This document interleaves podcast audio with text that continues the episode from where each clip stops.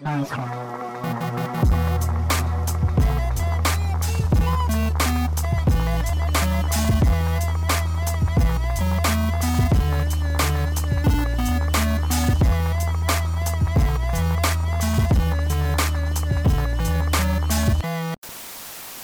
jadi ada siapa nih hari ini nih?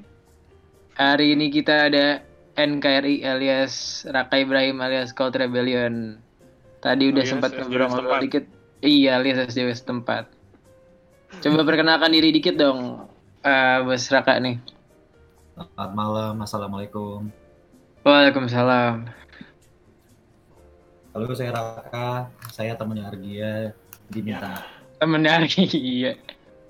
Iya, cuma warga aja kok sebenarnya diminta ikutan ini nggak jelas juga. Gue pertama tahu lu pas ini sih, Rak, pas waktu itu lu sama Argia sempat podcast di di mana itu? Di Pondok Indah waktu itu ya. Anjir, legendaris tuh. Iya, iya, Itu. Rekaman tapi podcastnya kalau nggak salah masih belum keluar sampai hari ini ya. Mungkin Iya, kalau iya. keluar juga ada kontroversi tersendiri tuh yang keluar dari itu podcast tuh kayaknya tuh. itu podcast legendaris karena kayaknya itu nggak pernah keluar tapi hari itu kebetulan banget banyak teman-teman kumpul ya kayak 30 Iya rame-rame di situ. jadi kayak kayak pertemuan Illuminati sebenarnya kayak orang-orang aja orang tertentu doang yang tahu Kapan mau dirilis tuh Rak? Hah? Gua Kan- gua ada loh kan lu filenya. yang megang kan lu yang megang filenya coy Iya makanya kita, kita mau rilis nggak? Waktu itu gue nanya Dwi dia kayak ragu-ragu gitu makanya. Gue sih mau banget. Tapi itu podcast sevulgar itu sih. Iya dan kayaknya udah lama juga sih banyak banyak poin percakapannya segmented gitu untuk era itu. Kapan-kapan nih misalnya gue nggak. Diulang lagi berarti. Mungkin Wah, diulang. diulang lagi. Mungkin perlu diulang. itu lebih menarik. gimana nih gimana? Bentar. Bulan depan kali ya gue rilis from the archive. Podcast tervulgar. Daripada kita capek-capek bikin podcast live terus, mending Soalnya kan kita emang- rilis aja. Perlu konten kan kalau saya lagi bosan di rumah gini. Gue sih dari kemarin pasti gue dengerin sih kalau kayak gitu-gitu sih. Seru aja gitu. Alma mau gosip, bukan bukan mau konten. Tapi iya sih memang konsumsi konten sekarang gila banget. Emang gue constantly ngeliatin HP gue atau di laptop juga baca, denger. gue ada ada podcast apa gue dengerin langsung ada ini sih gue kan kalau misalnya dari kemarin gue sebenernya udah lama banget gue nggak nonton olahraga jadi gue di YouTube tuh nonton video-video NBA lama untung untung sekarang lagi ada yang dokumenterinya yang Michael Jordan kan jadi gue Ya, kayak oh ada lah yang gue tungguin tiap minggu gitu bosen banget anjing Tapi itu seru banget sih. hmm, hmm. Seseru itu. Lo, lo udah, lo sampai episode 4. udah sampai empat gue Lo simpati apa kesel sama Bad Boy Pistons? Gue suka sih soalnya kan emang gue penasaran nih kayaknya minggu depan Respect kan? respect respect Respect. Bakal- ngomongin tentang harusnya timeline-nya tuh ke eh, Olympics 92 Dream Team di mana coach-nya itu Chuck Daly, coach-nya dari Pistons. Tapi di situ katanya kontroversinya itu eh, Michael Jordan sama yang lain gak pengen si Isaiah Thomas untuk ikut timnya gitu. Itu gue penasaran sih minggu depan di filmnya kayak gimana. Tapi itu attitude anjir. Kalau kalau gue punya tim basket atau gue main basket pasti kayak gitu. Iya, iya, iya. Lagi lembek banget anjir ditinggal ngambek. Respect harusnya sumpah. Gue Hmm, gue 100% dukung Pistons. keren sih, keren sih. Jordan Rules. eh apalagi Rak, lo lagi merhatiin apa konten selama sebulan dua bulan terakhir? Selain Belum. membuat kontennya sendiri ya? Selain membuat konten apa ya? gue banyak baca-baca itu sih. Gue banyak iya bener ya sama kayak kalian aku juga apa jadi di depan HP atau laptop terus menerus bosan banget dan aku mau aku perlu merasa terhubung dengan kehidupan normal gitu loh. Nggak kerja doang itu kayak bener-bener terperangkap banget. Lucunya aku jadi banyak melihat video masak. Apa Karena karena, aku hampir setiap hari masak. Oh, bon appetit apa bukan? Eater, uh, Ah, oke. Gordon Ramsay melihat Gordon Ramsay marah-marahin orang itu terapeutik banget ya. Jadi itu lumayan mengeluarkan itu lumayan katarsis dan dia jadi ada waktu lebih untuk ngulik uh, musik sih kayak sebelumnya kan nggak terlalu ada waktu yang didedikasikan buat ngulik musik cuma kebetulan kalau dapat rekomendasi aja gitu baru sekarang kayak misalkan aku penasaran sama subgenre tertentu atau sama hmm. skena tertentu jadi ada waktu buat ini di depan Spotify atau di YouTube buka-buka lagi kayak gitu sih kalau discovery baru yang lo dapetin selama kemarin berarti apa? Musik baru atau apa gitu yang lo dapetin dari kemarin? Um, nggak jauh-jauh, nggak aneh-aneh amat sih. Uh, apa? Lumayan. Waktu itu sempat diminta salah satu radio di Bandung buat bikin radio radio online, mm-hmm. gitu lah, uh, bikin playlist terus jadi kesasar ngulik soal scene uh, Afro jazz dan apa high life, swing kayak gitu-gitu, tapi yang kontemporer yang lebih baru, Afrobeat yang lebih baru.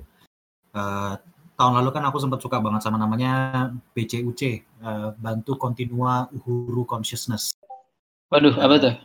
Band Afrobeat gitu, di dia uh, band dari apa gitu, Zimbabwe atau apa gue lupa, uh, atau Afrika Selatan bang Afrobeat tapi beda sih dengan kayak Fela Kuti atau gitu-gitu. Lebih rhythm sectionnya lebih maju ke depan dia lebih energik liar banget sih. Uh, terus dari situ jadi ngulik juga dapat kemarin dapat namanya Blik Basi. B L I C K B A S S Y itu enak juga itu. Albumnya judulnya Ako. Oke okay, oke. Okay. lebih easy listening lebih jazz. Menyenangkan sih dapat kayak gitu-gitu. Dan dari dulu penasaran Mercury Mercury Rev nggak pernah mencari tahu akhirnya mendengarkan. Kayak gitu gitu lo suka hmm. nggak tapi suka Rev iya gue aku aku selalu suka musik eh, yang lamban dan depressing gitu loh lamban depressing dan apa bercerita tentang seorang laki-laki di pedalaman Amerika yang apa ngeluh soal betapa sedihnya hidupnya dia itu udah kayak ticks all the boxes for me gitu kayak. kayak give me the mountain goats, give me Mercury Rev, give me the national udah gitu. Sun Kill Moon. Give me Sun Kill Moon ya. Dan orang-orang menyedihkan lainnya. Iya dan orang-orang menyedihkan lainnya karena buatku kayak ya udahlah aku ingin sedih bersama kalian. ya gitu sih. Aku orang yang unironically suka uh, alt country dan country mungkin. oh ya? Iya. Uh, serius apa shit aku lupa namanya itu salah satu penyanyi favoritku ada lagunya dia bagus banget I I made a lover's prayer dia pernah di cover sama Father John Misty juga. Ya gitulah. Uh, band-band country pedalaman Amerika gue suka agak katro sih tapi ya udah. Tapi ya selain kalau buat gue ya selain waktu yang lebih banyak untuk ngulik hal-hal yang sebelumnya kita nggak pernah punya waktu juga sebenarnya banyak jenis-jenis konten baru yang tadinya gue pikir gue nggak akan tertarik atau gue nggak akan konsumsi gitu kayak mungkin yang minggu ini gue sama lo banyak beririsan rak diskusi hmm. online tentunya kan satu dua yeah. konser virtual itu hal-hal yang gue pikir dulu kayak nggak penting atau nggak nggak relevan buat gue atau gue nggak ada waktunya cuma hmm. sekarang jadi salah satu yang gue tunggu-tunggu gitu kayak gue bisa bangun pagi cuma pengen nonton konser virtual apa gitu walaupun karena jelas karena ini kita masih di tahap awal adaptasi dengan konten di tengah pandemi seperti ini kan pasti masih trial and error kayak salah satunya yang bikin gue mixed feeling sih uh, live Instagramnya Waste Blood gitu kayak iya. katanya jelek banget ya kualitasnya ya iya oh, tapi oh, iya. iya nih apa gambarnya ke mana-mana terus kayak suaranya tapi in a way tetap heartwarming juga bisa bisa ngelihat artis-artis ini. Pakai simpati tuh Waste Blood pasti. Pasti iyalah. Kayak kayak tri deh. Kayak gue Telkomsel emang. Telkomsel Telkomsel makanya naik turun. Terus diskusi online juga bukan sesuatu yang gue pikir akan gue simak dan akan gue uh, uh, ikutin gitu. Kayak dulu dulu kan mungkin berapa, berapa kali gue diajak diskusi secara langsung, kadang-kadang gue males datangnya atau kayak jauh. Cuma sekarang karena online jauh lebih gampang dan uh, engagementnya pun jauh lebih praktis gitu. Kayak contohnya podcast kita ya sekarang ini yang nonton kayak ada berapa gue nggak ngitung tapi kayak lumayan lah. Kalau kita bikin podcast di Slips kan sebelum-sebelumnya kan sebenarnya dikit juga yang datang dan lebih. Gak tahu reaksi kayak langsungnya gimana. Lebih mudah lah untuk orang sih sebenarnya ya jauh lebih engaging kayak at any point dalam podcast ini kalau ada yang denger dan pengen komen tinggal kita hmm. unmute aja dan itu menurut gue salah satu hal takeaway yang positif dari ini semua sih tapi mungkin karena masih trial and error aja kayak ada beberapa diskusi yang kayak atau mungkin salah satunya, salah satunya podcast ini lah kayak beberapa kali kita kan kurang puas sama hasilnya entah dari sisi logistik atau kontennya. Tapi menurut gue lambat laun sih kayaknya akan pick up. Mungkin lo juga bisa relate sih Raka dari awal berzoom sekarang udah mau yang ketiga besok kemarin sama gue hmm. kan pasti sebenarnya ada trial and error tapi di sisi lain juga lebih engaging dan gue pun seneng gitu bikin konten-konten seperti itu. Iya dan apa sebenarnya pertanyaannya bukan cuma uh, gimana trial and errornya tapi faktanya kita terpaksa untuk beradaptasi. Ya. karena nggak ada jalan lain bagi kita untuk membagikan atau mengakses konten. Uh, lo nggak mungkin kayak ya kita sempat ngobrol ini pas di Burzum kemarin kan. Pas awal-awal awal-awal pandemi belum PSBB kantor kantorku sempat nyoba bikin konser online. Dan waktu itu pamungkas yang kami hadirkan. Uh, Terus uh, itu masih dilakukan di studio, gitu. Jadi kita masih nyewa studio, masih ada alat band yang cukup lengkap. Uh, kami berusaha supaya kualitas live-nya itu kayak ya sebisa mungkin kayak lu nonton SFTC atau kayak gitu-gitu lah yang uh-huh. uh, lumayan bisa kualitasnya. Dan instrumentasinya kayak konser beneran. Cuman makin di sini itu udah nggak bisa dilakukan karena kamu tetap nyewa studio, kamu tetap menghadirkan kru panggung dan personilnya pamungkas, kamu kamu tetap bawa apa tim video yang nggak cuma satu dua orang untuk nge-set up, ngerekam. It becomes improbable dan makin ke sini makin di sini ya udah konsernya beneran dari rumah semua kan. Iya. Tentu saja ada tentu saja ada ada kompromi dari segi kualitas di situ. Cuman mau nggak mau ya pelan-pelan orang sih Iya, itu sebenarnya poin paling penting sih. Hmm. Masalah adaptasi orang menerima dan memproduksi kontennya. Dan apa ya menurut menurut gue poin lo tentang ngomongin bahwa kita terpaksa adaptasi itu salah satu poin yang paling valid karena kayak ada beberapa gue ngomong spesifik dalam industri musik ya ada hmm. beberapa entitas yang akhirnya nggak ada gunanya. Mungkin kita udah touch ini sebelumnya pas kita ngobrol berdua. Kayak hmm. sejujur-jujurnya gitu kayak di hari ini selama sebulan dua bulan terakhir dan beberapa bulan ke depan promotor nggak ada artinya gitu. Karena iya.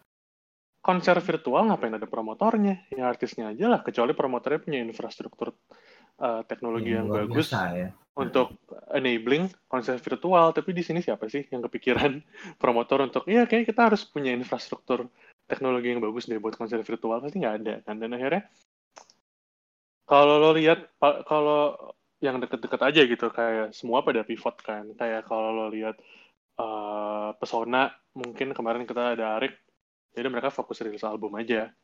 Hmm. lo lihat lo lihat gua gitu ya gue eh fokus ngebacot aja di sini kan. Iya. Yeah. Tapi Studio Rama itu lagi ini kan, lagi nyoba bikin yang live live gitu kan. Iya, tapi kita mana mampu gak sih kayak gitu? Iya maksud gue ada aja pelaku yang ngelakuin. Iya, iya. Iya, dan dan hmm. dan itu bagus sih. Cuma again uh, kapabilitas masing-masing entitas kan beda-beda dan pivotnya juga juga juga jadi beda-beda gitu. Hmm. Mungkin kalau kita punya uang yang cukup, kita bisa bikin semacam live recording kayak Studio Rama atau misalnya kita punya lini bisnis di manajemen artis kita bisa fokus ke rilis-rilis album. Tapi bagi promotor yang yang apa pekerjaan utamanya selama setahun terakhir cuma bikin-bikin show dan dalam, dalam jumlah yang banyak sebenarnya kita hitungannya lumayan kepepet sih. Dalam dalam konteks uh, finansial maupun uh, apa ya maupun workload itu kayak sekarang kita nggak ada apa-apa gitu. Dan memang nggak bisa ngapa-ngapain juga.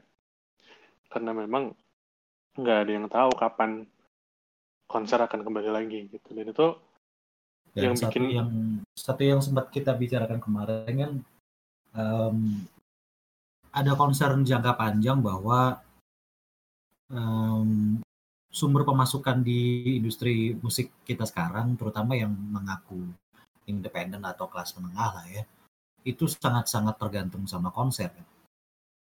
Ya, betul. Pemasukan mereka betul-betul mostly dari situ dan masukku memang ada beberapa band yang bisa dapat pemasukan lumayan dari merchandising. Cuman itu hanya segelintir band yang bisa dapat dari situ. Ya. Uh, mostly dari konser. Jadi ketika sekarang konser sama sekali dihentikan, ya mereka kesulitan. Nggak, nggak semua band bisa seperti misalnya Hindia yang akhirnya kerjasama dengan brand. Atau apa efek rumah kaca yang udah punya space jadi mereka lumayan bisa apa, bikin apa, shippingnya mereka kontrol sendiri mereka udah bisa berjualan dan lain sebagainya. Kan nggak nggak semuanya bisa sampai ke titik itu kan. Band-band yang mungkin masih starting out sekarang dan baru mulai dapat momentum dapat job let's say seminggu dua kali gitu sekarang tiba-tiba out iya dan ini mungkin sesuatu yang belum kita expand juga sih uh, pas kita ngobrol berdua dan hmm. obrolan kita sebelum sebelumnya adalah memang ada ketimpangan dalam uh, satu kapabilitas, dua akses gitu. Tadi lo ngomong menarik banget memang tidak semua band bisa seperti Hindia gitu kan yang bisa kerjasama dan berlaku juga buat promotor tidak semua promotor bisa bikin uh, kerjasama sama brand kayak Studio Rama sekarang kan bikin sama brand fashion hmm. untuk untuk live recordingnya gitu dan label label juga sama A akhirnya menurut gue jatuhnya ini kita akan kembali lagi ngomongin ekosistem sih mungkin yang udah iya. beberapa kali dengar podcast ini akan familiar dengan term itu bahwa memang ekosistem kita lumayan uh, tidak tidak organized sehingga ada ketimpangan yang lumayan banget gitu. Yang bahkan bukan lumayan banget yang bisa bisa curam sekali gitu. Memang bisa satu band nge nol pemasukannya. Ada atau mungkin ada band lain atau entitas lain yang bahkan mungkin bisa lebih banyak penghasilannya. Dan itu bukan sesuatu yang sesuatu yang inherently salah menurut gue tapi sesuatu yang harus kita secara kolektif lihat sama-sama gitu kayak hmm. harus ada semacam gue gak mau bilang safety net karena kalau safety net seolah-olah kita semua berkewajiban untuk menjaga satu sama lain walaupun ya lo bisa bilang lo setuju apa enggak tapi pasti ada ada aja orang yang enggak lah di end of the day ini bisnis gitu tapi sebisnis bisnis satu suatu industri itu pasti ada semacam ekosistemnya di mana uh, pelaku pelakunya di dalamnya bisa bisa beraktivitas sesuai dengan uh, porsinya gitu. Kalau lo ngerti apa yang gue omongin ya. Maksudnya kayak yeah. ada lapaknya sendiri dan memang sudah ada sistemnya gitu. Kalau kita kan sekarang kayak hutan rimba aja gitu. Memang sekarang misalnya gitu. Lumayan predatory sih. Iya. Tapi dan lagi sih si, sorry ya. tapi situasi lagi kayak gini emang lo ngelihat ada industri atau ekosistem dari tempat lain atau negara lain yang apa namanya udah siap untuk ngelewatin ini gitu apa gue rasa saya lo bilang di ekosistem di sini atau di Indonesia sebenarnya emang semuanya lagi kayak gini nggak sih maksudnya kayak belum ada yang punya apa namanya safety net yang lo bilang atau apa namanya sistem yang emang cukup siap untuk ngadepin situasi kayak gini gitu Enggak, enggak. Emang enggak ada yang siap sama sekali. Masukku yeah. gini loh, uh, musisi maupun siapa ada di ekosistem musik itu kan pada dasarnya mereka they're just people. Mereka manusia biasa yang punya apa perut punya keluarga ya kan? Jadi in general semua orang sengsara. Obviously musisi dan segala kawan-kawannya termasuk. Uh, cuman uh, di sini satu hal yang bisa di uh, garis bawahi dari pernyataan tadi adalah kita ini mungkin uh, berada dalam posisi yang cukup rentan untuk menghadapi kondisi kayak gini. Kayak misalkan gini, uh, di kalau lu mau bandingin nama yang jauh banget ya, uh, Jerman gitu. Mereka sudah ngasih bailout berapa ratus juta euro dalam bentuk dana apa endowment buat kesenian dan seni budaya. Jadi udah tuh kelar tuh urusan, ya kan? Tapi itu bagian dari tunjangan ke masyarakat yang lebih luas. Semua orang mau musisi atau bukan dapat tunjangan, ya kan? Ya udah kelar.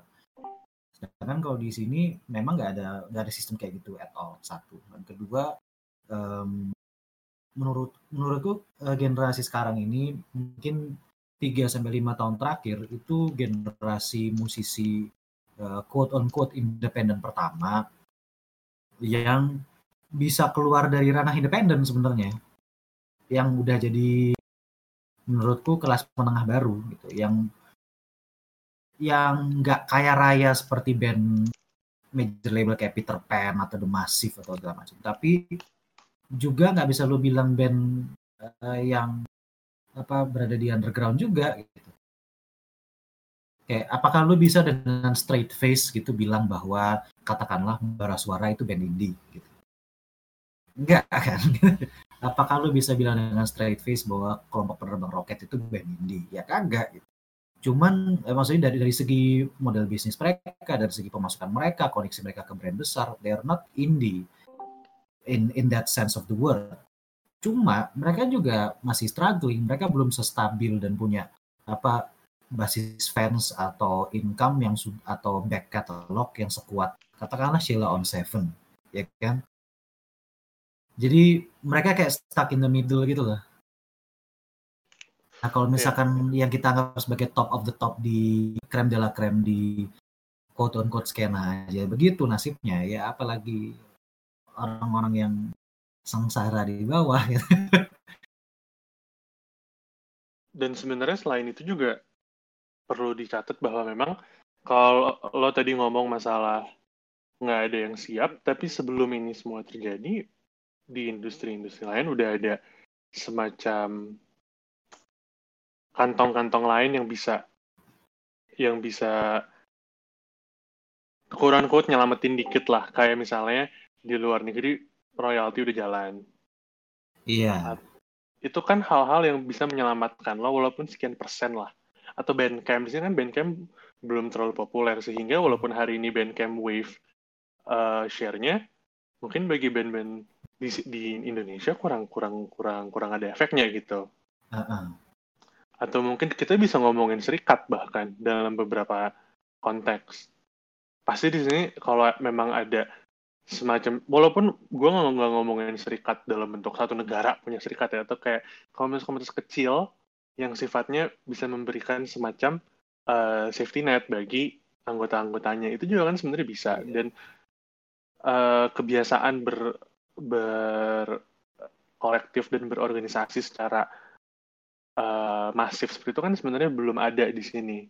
Kayak iya banyak kolektif. Ada hmm. misalnya uh, ada studio Rama ada kita ada ini ada ini. Tapi nggak pernah ada satu uh, semacam komunitas besar yang yang bisa menjaga kepentingan kita semua. Walaupun di atas kertas misalnya gue sama uh, saudara mas saingan tapi kita punya satu uh, kepentingan kan di situ mulai gue gue nggak mau ngomong serikat lah karena serikat kesannya berat banget tapi semacam kolektif di mana kita bisa mengurus kepentingan masing-masing gitu sih ini kan kalau kita kan uh, ya hutan rimba aja gitu kalau Iya.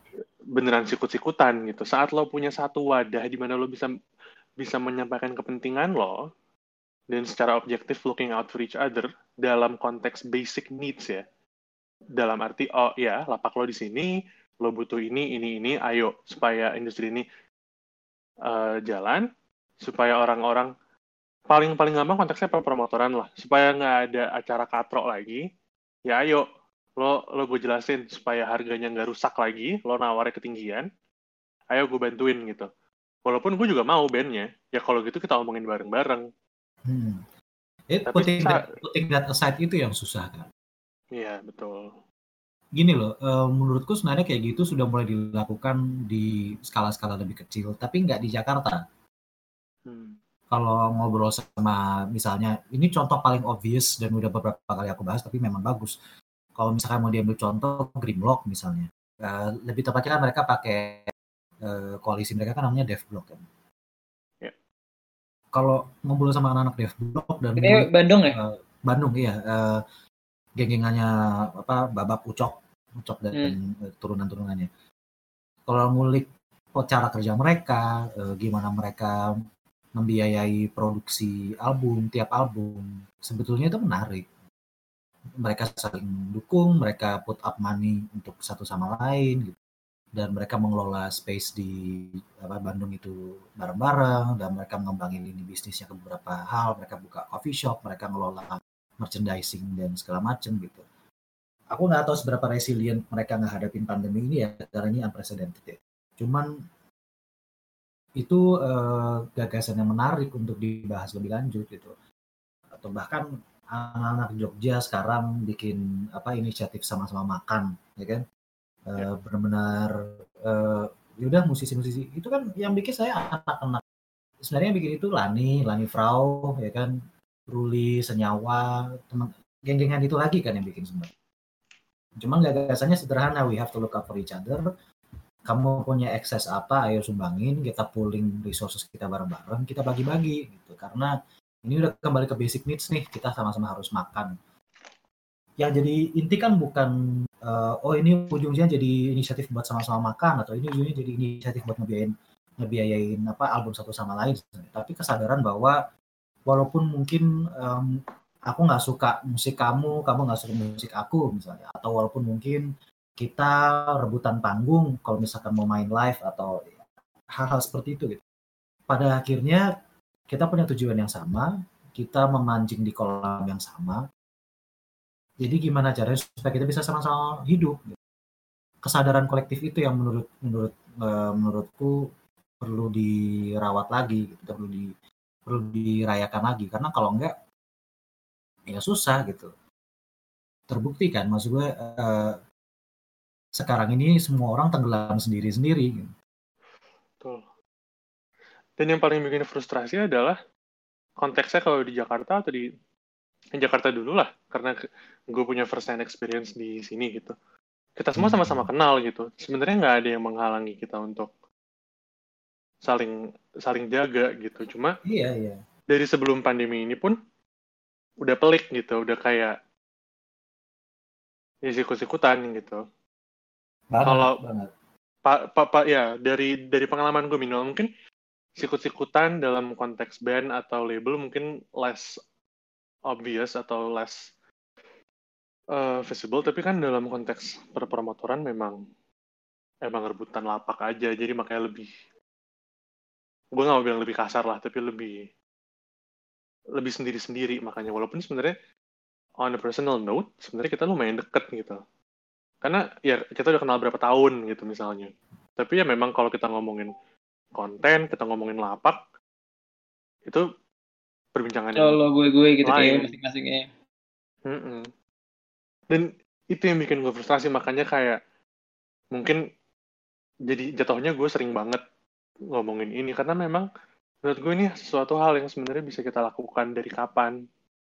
Dan problem-problem yang naik sekarang saat pandemi itu gue nggak mau bilang semuanya bisa diatasi oleh uh, semacam komunitas yang menjaga kepentingan bersama ya. Tapi paling nggak nggak akan separah sekarang gitu. Bisa bisa bisa di bisa ditanggulangi dengan ya sekian persennya bisa ya kita kasarnya kita bi, bisa bisa nggak semenderita ini gitu. Iya, iya. Itu yang itu yang masih maksudnya ini jadi tamparan juga sih buat kita sekarang ya di Jakarta. Maksudku ya. uang itu berputar di kita semua, perhatian itu di kita semua. Tapi faktanya sekarang kita yang bingung karena kita nggak terbiasa merangkul dan tanda kutip satu sama lain. Dan malah jadi ribut soal hal-hal yang nggak penting seperti kemarin itu kan. Maksudku gini loh, apa gini apa uh, I'm not a, gitu. I'm, I'm not a big fan of uh, Fizz music gitu. Cuman sepenting itu ya lu ngeributin pernyataan dia. gitu. Tapi memang itu salah satu masalah lain sih di tengah ini semua di saat ya admittedly memang kontennya seret gitu. Jadi kadang-kadang lo Iya, harus iya, milking iya. aja Iya, hal-hal yang harusnya ya lo stop lah setelah satu artikel, dua artikel atau kayak satu post, dua post.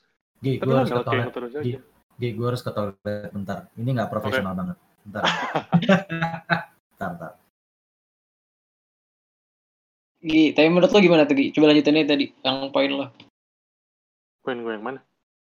Barusan kan lo lagi ngomong yang kayak bahwa apa kayak sebenarnya bisa cukup tahu lebih baik kalau misalnya kayak ya udah nggak usah nggak usah dipanjang-panjangin lagi kayak media-medianya tapi kayak ya emang perlu ya saya ya nggak ada konten juga jadi mereka nggak ada pilihan lain untuk ngelanjutin itu terus gitu. Ya tadi yang lo bilang.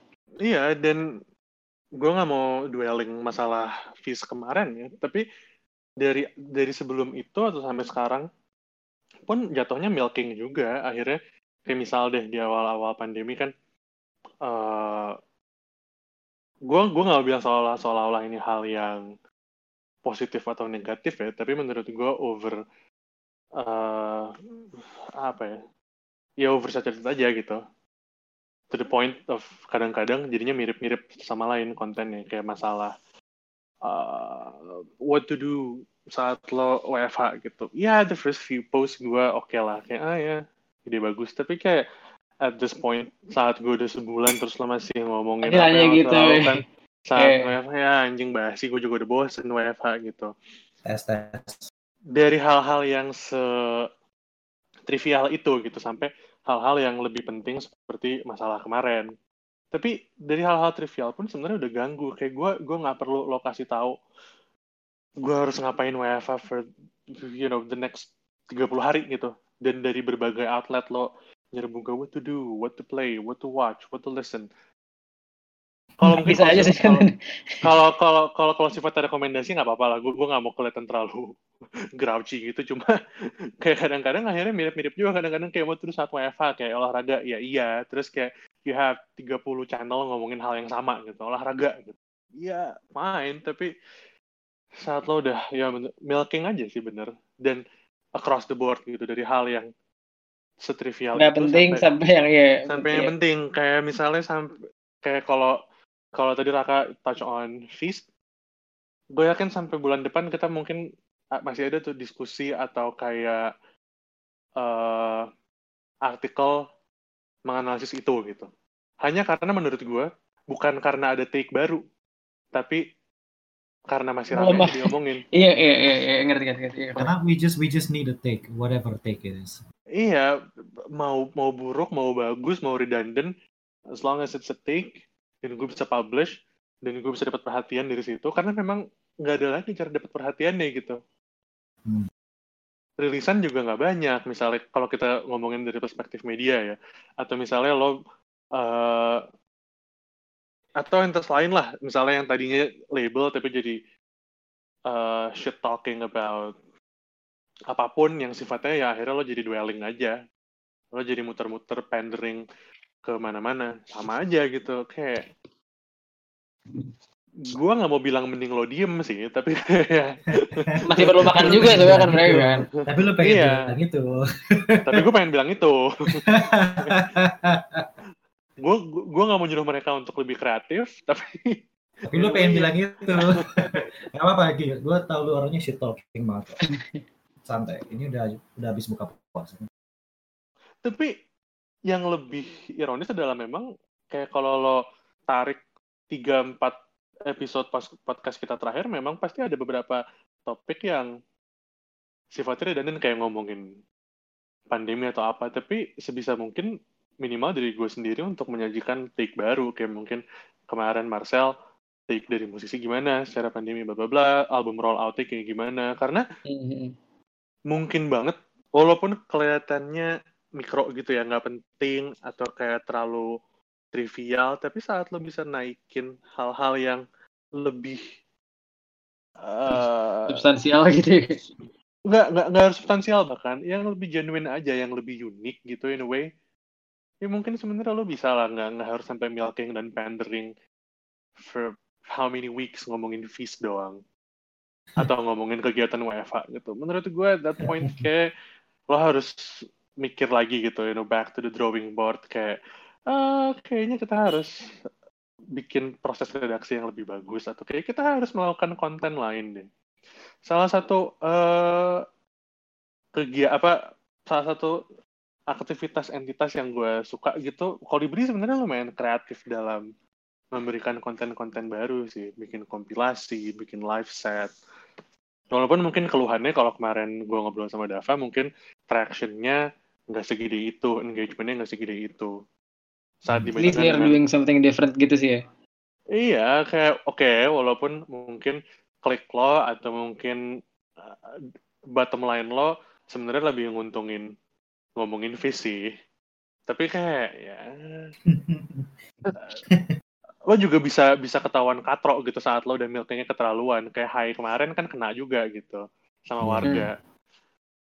Jadi kayak just keep the balance between kayak karena mungkin banget ada hal-hal baru yang bisa dikeluarkan yang yang bikin gue frustrasi adalah itu. Makanya kayak uh, kalau gue sama lo nih pasti gue selalu ngomong ke anak-anak untuk bikin sesuatu yang uh, baru gitu. Oke, okay, podcast sudah 6 episode, kayaknya harus ada perubahan lain. Something to accompany it with gitu ya. Iya, tuh kayak ah lo bikin artikel lah, artikel apa aja, lo bikin ulasan apa kayak gue nggak mau pendring juga gitu dengan podcast ini kayak eh kita bawa teman-teman kita tuh kita ajak ngobrol nggak jelas selama satu setengah jam sampai sampai dua jam gitu kan kayak orang-orangnya juga pasti malas juga audiens juga nggak sebego itu gitu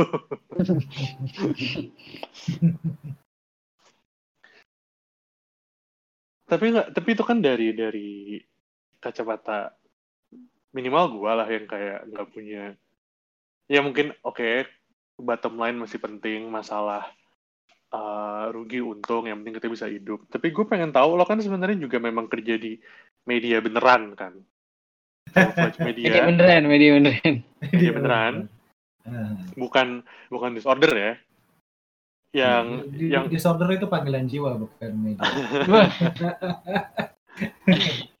yang yang yang proper gitu yang ada tim redaksinya, yang punya pembaca dan lain-lain. Kalau dari media seperti itu gimana, Rak? Apa nih? Uh, dari pemilihan konten segala macam lo apakah melihat ada pandering atau memang kalian dipaksa untuk ber, beride aja gitu cara kalian uh, menanggapi alur kon apa flow konten yang mengering lah. Atau mungkin lately mungkin hmm. kontennya banyak kali ya untuk media general kayak justru, tempat lo kerja. Uh, justru sekarang ini ya kayak yang barusan ngomong bilang konten itu ber, berhamburan sebenarnya. Maksudku yang menarik dari kondisi sekarang adalah it's uncertain, ya kan? Mm -hmm. Kita nggak tahu apa-apa karena ini benar-benar baru. Kita beradaptasi setiap hari. Jadi nggak ada titik di mana uh, audiens itu kita bisa bilang bahwa oke okay, audiens kita sudah tahu cukup banyak soal hal ini, mari kita move on ke hal lain. Gitu loh. Kayak misalkan, oh aku mau ngebahas uh, apa ya hal berat politis, uh, pengangkatan Prabowo jadi Menhan misalnya gitu. Mm -hmm lu bisa ngambil angle A, B, C, D, E, tapi at some point lu akan bilang bahwa oke okay, sip, publik kita sudah tahu Prabowo siapa, Menhan itu tugasnya apa, kenapa bermasalah dia jadi Menhan. Udah ini cukup, kita udah bikin let's say 5 artikel soal itu dan beberapa video, itu udah cukup untuk ngejelasin topik itu untuk audiens kita. Dah, selesai, ya kan? Nah. Tapi kalau pandemi ini, kita kan nggak tahu apa-apa. Jadi setiap hari kita men, kita discovering new things. Kan? Awalnya emang masker itu udah eh, jangan dipakai sama orang kecuali kamu sakit, tapi sekarang jadinya semua orang harus pakai, ya kan? Itu bukan karena WHO dan pemerintah atau WHO dan apa Menteri Kesehatan dan lain sebagainya itu mencela mencela, tapi karena we are discovering new things about this goddamn pandemic, ya kan? Ya, yeah, ya. Yeah. Jadi uh, mau nggak mau kami di media berkutat di situ dan ya turunannya berbeda-beda aja untuk setiap media. Kalau tempatku kerja sekarang memang dia lebih general media. Tapi yang banyak orang nggak tahu adalah bahwa sebetulnya di situ resminya titleku itu uh, reporter di uh, rubrik budaya populer. Hmm. But there ain't no fucking popular culture happening in this goddamn pandemic kan. Jadi ya udah gitu. Dia alihkan ke desk ya pada dasarnya desk politik kan. Hmm. Terus uh, kami ngebahas itu dan ya semua media dengan uh, segmentasinya pasti ngebahas itu juga karena kalau lu anak SMA lu akan resah soal hal ini. Kalau lu pebisnis lu akan resah soal pandemi ini. Kalau lu tukang becak lu akan resah soal pandemi ini, tapi keresahannya beda-beda. ya kan? Dan kalau misalkan majalah tertentu seperti Hai misalnya, ini uh, dengan dengan full disclaimer bahwa aku kenal lead editor yang dimaksud dia teman baikku ya. Dengan segala hormat kepada Hai, audiensnya dia memang menginginkan konten keributan gitu. Karena bosen coy. Tapi apakah itu menurut lo nggak? Gue ya, gue gue gue ya, kita bisa kita bisa argue kita bisa argue sampai tahun depan soal apakah itu uh, kontennya positif, apakah itu kontennya mendidik, apakah itu kontennya baik ya kan kita bisa argue sampai tahun depan gitu. Dan Iya. sebetul dan personally posisiku mirip kayak kayak kamu kayak kalian bahwa udah kejauhan milkingnya. ya. Cuma di sisi lain if if people are buying they're gonna keep selling. Iya. Dan di kondisi kayak gini lu nggak akan mempertanyakan apa yang lu jual gitu. Iya sih, selama ada tractionnya ya kenapa gue harus ganti atau pikir sesuatu yang baru gitu ya. Iya Kira karena gitu. karena eh, apa ya? Paham nggak sih eh, eh, banyak orang yang kemudian ribut soal itu bahwa media itu sekarang mati loh. Orang itu banyak mikir bahwa oh iya sekarang kan banyak berita berarti media itu ber, ber- apa panen panen duit banyak view segala macam. Banyak view itu useless kalau nobody's buying that view. Ngerti gak sih maksudnya? Iya. kayak nggak ada brand yang nggak ada brand yang apa mengiklan nggak ada yang mengerjakan sponsored content bareng-bareng sama kami. Dan karena these fucking brands are laying off people left and right mereka nggak akan ada duit buat di spend untuk advertising campaign ratusan juta di media ya kan? Hmm. so we're getting all that views for nothing actually. So jadi apa ya maksudku kalau lu dapat rezeki apa pun lu akan beggars can't be choosers gitu Oh iya. itu itu view itu view yang sangat-sangat eh, pesimistis ya jujur aja Iya. Eh, dan kita bisa argue sampai eh, akhir ep- episode soal bagaimana seharusnya media lebih eduka lebih educational dan lain sebagainya cuman dari sisi pragmatisnya gue bisa memandang begitu di sisi lain menurutku eh, memang eh, di maksud gini ya aku aku cuma ngomong tadi itu untuk bilang bahwa aku paham argumen bahwa ya sudah ngajak klik ya ngajak klik. Karena saat ini aku berada di posisi yang sama. Ya kan? Mhm. di di sisi lain eh ada aku aku nggak terlalu suka bilang tanggung jawab tapi mungkin itu istilah paling tepat ya. Ada tanggung jawab bagi media bagi orang-orang yang mendapuk dirinya sebagai pemikir-pemikir besar di ya kan untuk mulai mengalihkan pembicaraan ke bagaimana kita beradaptasi satu. Dan kedua what's next? Kalau ini the new normal what what kind of world is it going to be like? Ya. Ya. kalau dunia yang lama dan tatanan dunia lama itu sudah runtuh dan hilang berarti bagaimana tatanan dunia yang baru? Apakah itu cuma akan jadi salinan buruk dari dunia yang lama? Karena kalau iya ya terbukti nggak jalan kan kamu gimana caranya gini loh eh, dalam kondisi krisis kayak gini, ini bahkan nggak cuma di musik ya. Yang kau perhatikan adalah kamu nggak bisa jadi predator. Kamu harus berkolektif, ya kan? Ya. Karena menjadi alpha male tidak memberikan kamu beras untuk makan. Menjadi tetangga yang baik memberikan kamu beras untuk makan. Ya. Ya. Padi padi untuk rakyat tidak datang dengan menjadi alpha male gitu.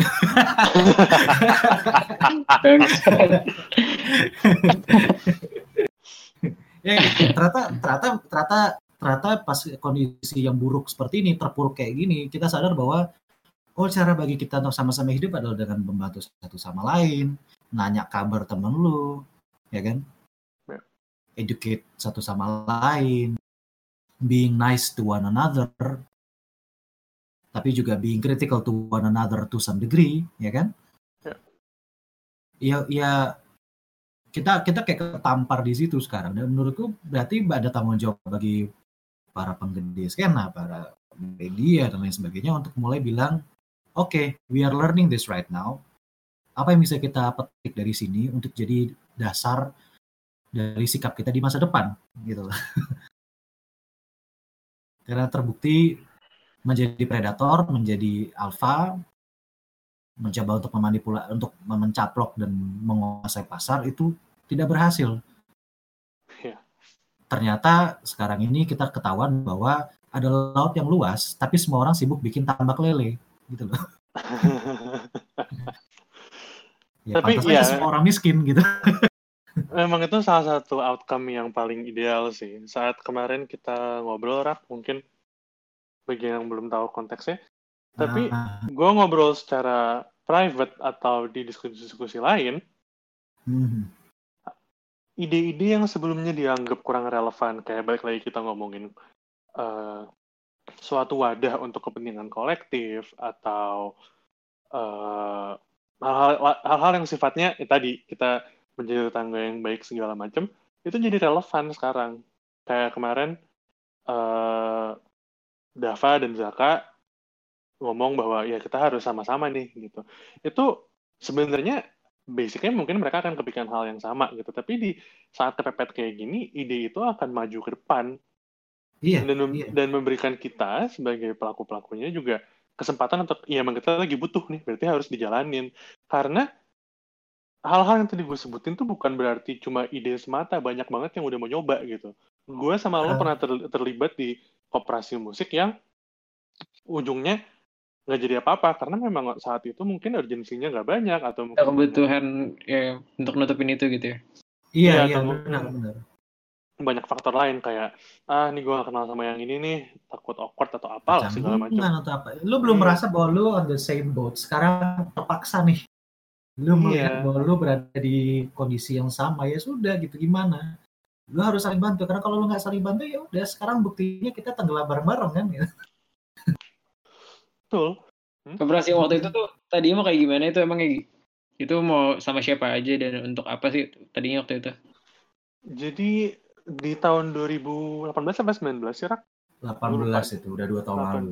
18. Udah, udah dua tahun lalu gue diajak sama Tomo, Raka, ada Peter dari terus yang- dan Anoa, Peter ada.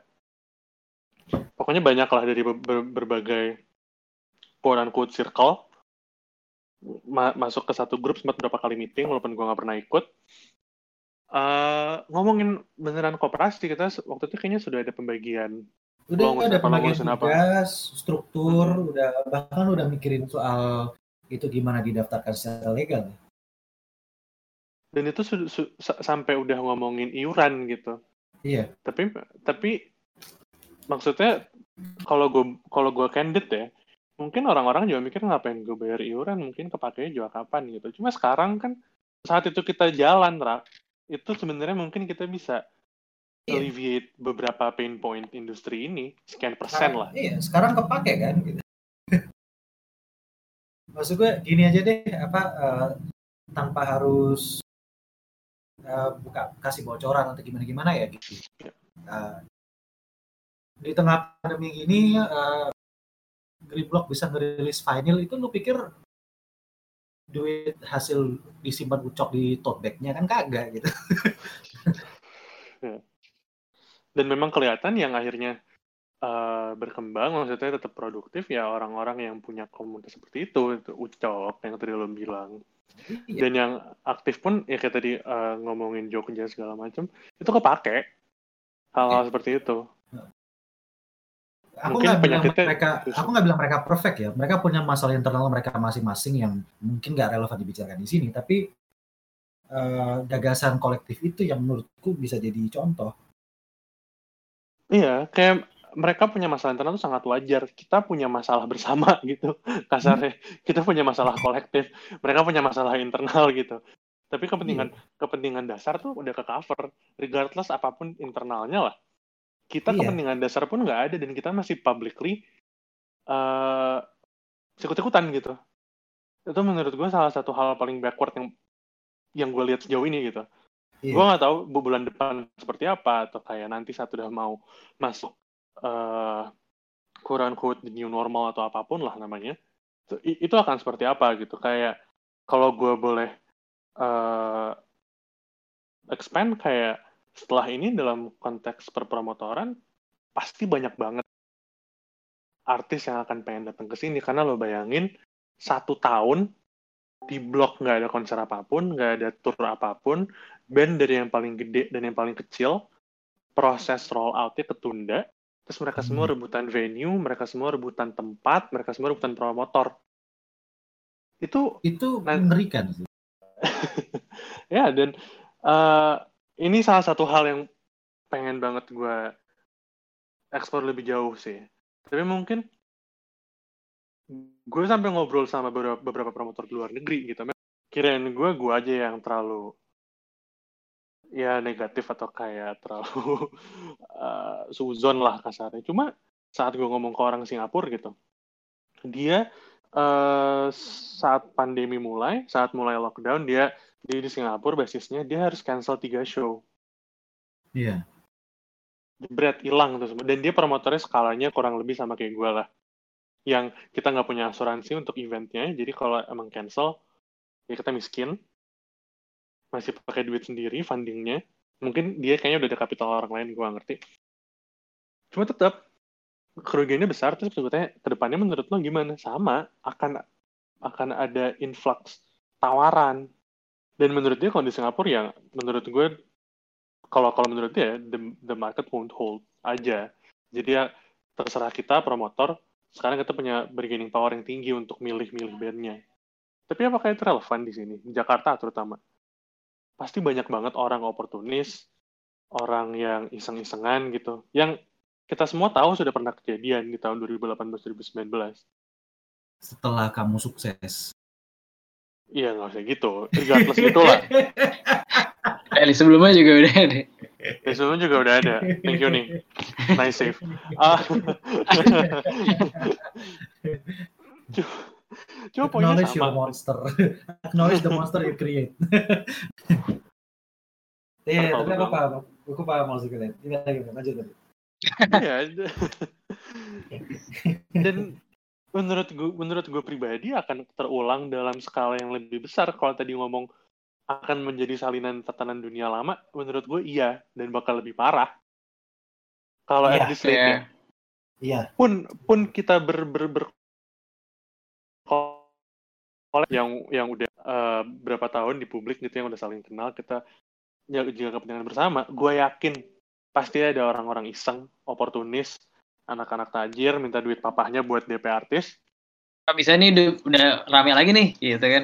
Eh ini kayaknya seru nih pak. Minta deh 100 juta gitu buat buat DP ntar pasti balik lah. Dan nawar- balik, dan balik. Kalau saya emang bakal dilakuin setelah ini ya, ya balik sih kata gue, ya Iya. nggak sih? Dan balik dan balik. Misalnya misalnya dia nawari gila-gilaan terus dapat artis gede terus balik terus ntar dia lanjut. Terus itu bakal ngulang cycle tahun 2018-2019 sampai akhirnya mereka keluar sendiri. Satu atas satu dan lain hal lah. Bisa itu internal fuck up bisa itu dari marketnya nggak tahu lah. Tapi Atau we get atau we get another incident like Lokatara. ya bisa With itu. all due, with all due respect to them ya. ya dan nggak menurut gue tidak menutup kemungkinan akan ada banyak lagi promotor-promotor seperti itu seperti Lokatara ke depannya gitu nama Iya. parah. Gi. lo duluan yang sebut nama jadi at this point udah udah nggak relevan kita nyensor tapi maksud gue itu itu faktual menurut gue faktual banget akan ada kayak gitu mungkin gue bisa salah kalau kita bisa jaga diri dan jaga kepentingan masing-masing lah ya tapi gue sih pribadi pesimis Iya. gue jujur nggak bisa bayangin apa kayak makanya mungkin kalau orang-orang nanya kapan lo bikin show lagi gue jujur nggak tahu kalaupun udah normal terus ada influx segede gitu dan di you know apa set- setelah sebelum pandemi banget show terakhir gue rugi gitu kayak gue akan mikir 10 kali gitu. Di mana orang-orang lain cuma tinggal mikir sekali, ah ini murah nih, bread gitu. Kayak, who knows, bener-bener bener-bener nggak ada yang tahu dan bisa bisa lead to something yang lebih malicious aja sih menurut gue dan itu harus mungkin kalau kalau kalau ditanggulangi lebay lah kesannya kesannya kita bisa gitu mengontrol pasar tapi minimal publik harus aware sih mengenai ada kemungkinan seperti itu. Gua nggak mau bilang bahwa acara gue pasti bagus gitu, enggak juga. Acara gue juga pasti kadang-kadang caur juga, soundnya jelek atau lightingnya jelek. Lo juga pernah review acara gue kan, sebenarnya biasa aja. Cuma ya. paling enggak, paling enggak kan, paling enggak kan uh, kepentingan bersama sih. Kayak walaupun misalnya acaranya kurang gitu, tapi back end-nya dari tatanan industrinya gitu walaupun sengaja atau nggak sengaja lah misalnya soundnya buruk atau tiketnya sepi lalu gua rugi segala macam tapi minimal dari back end-nya dari masalah penawaran artis segala macam praktek industrinya gue bisa bilang gue lumayan bertanggung jawab gitu akan jadi masalah kalau di belakang lo nggak bertanggung jawab, di depan lo nggak bertanggung jawab juga gitu kan. Nah, tapi menurutku ya bakal jadi kayak Rusia setelah Soviet runtuh gitu akan banyak oligark-oligark baru yang memanfaatkan lahan basah itu. Aku berharap, andai kan aku nggak seskeptis itu ya, tapi aku pikir itu yang bakal jadi. Tapi ya kita lihat aja karena masukku mau jatuh ke lubang yang sama berapa kali gitu. Betul, dan ini berlaku untuk semua entitas gitu, kayak salah satu contoh lah kayak kalau kita balik ke media ya pasti kalau kalau kayak gini terus media akan jatuh ke lubang yang sama. Gue ngomongin media musik ya, yang iya. menurut gue penderingnya kelewatan. Kayak informasi lo tidak essential. Kalau general media ngomongin pandemi terus, tapi kan infonya baru gitu. Kayak ya ternyata mar mar eh, masker ini nggak terlalu efektif gitu atau cara pakai masker yang baik ya. adalah beda gitu. Tapi media akan jatuh ke lubang yang sama. Dan kita belum membahas bahwa media sebelum ini pun juga udah udah buruk gitu. Maksudnya bu, bu, bu, bu, bukan gue subjektif ya tapi Gak apa gue suka subjektif gini. Ya. Gue kan besok lo jadi kan besok lo jadi pembicara di acara itu kan apakah media musik baik-baik saja iya dan ada Ferdin nih dengerin. Halo Ferdin Iya, ya, ya mungkin gue gak akan sekendit inilah, tapi uh, dari sebelum pandemi pun gejalanya udah buruk gitu untuk media. Apalagi saat pandemi dan setelah pandemi nanti gitu.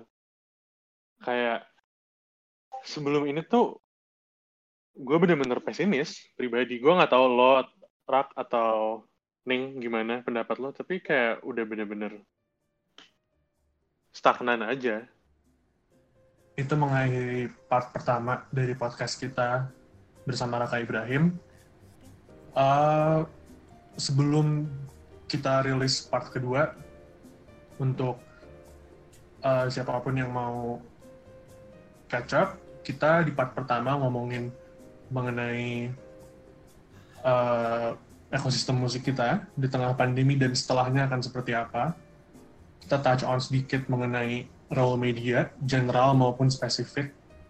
Dan di part kedua kita akan menyentuh hal-hal yang sama tapi lebih uh, expensive ke uh, uh, ke depannya kita kita akan seperti apa. Sebelum episode ini selesai, episode ini diproduksi oleh kita sama-sama, di host oleh gua, Argia dan Danang, diproduksi oleh Kevin, dan produsernya adalah uh, Alia Asra, Afri Maki, Rofi Ayashi, Abdul Devasyah, Emir Masyuri, dan Faris Adi. Sampai jumpa di part selanjutnya.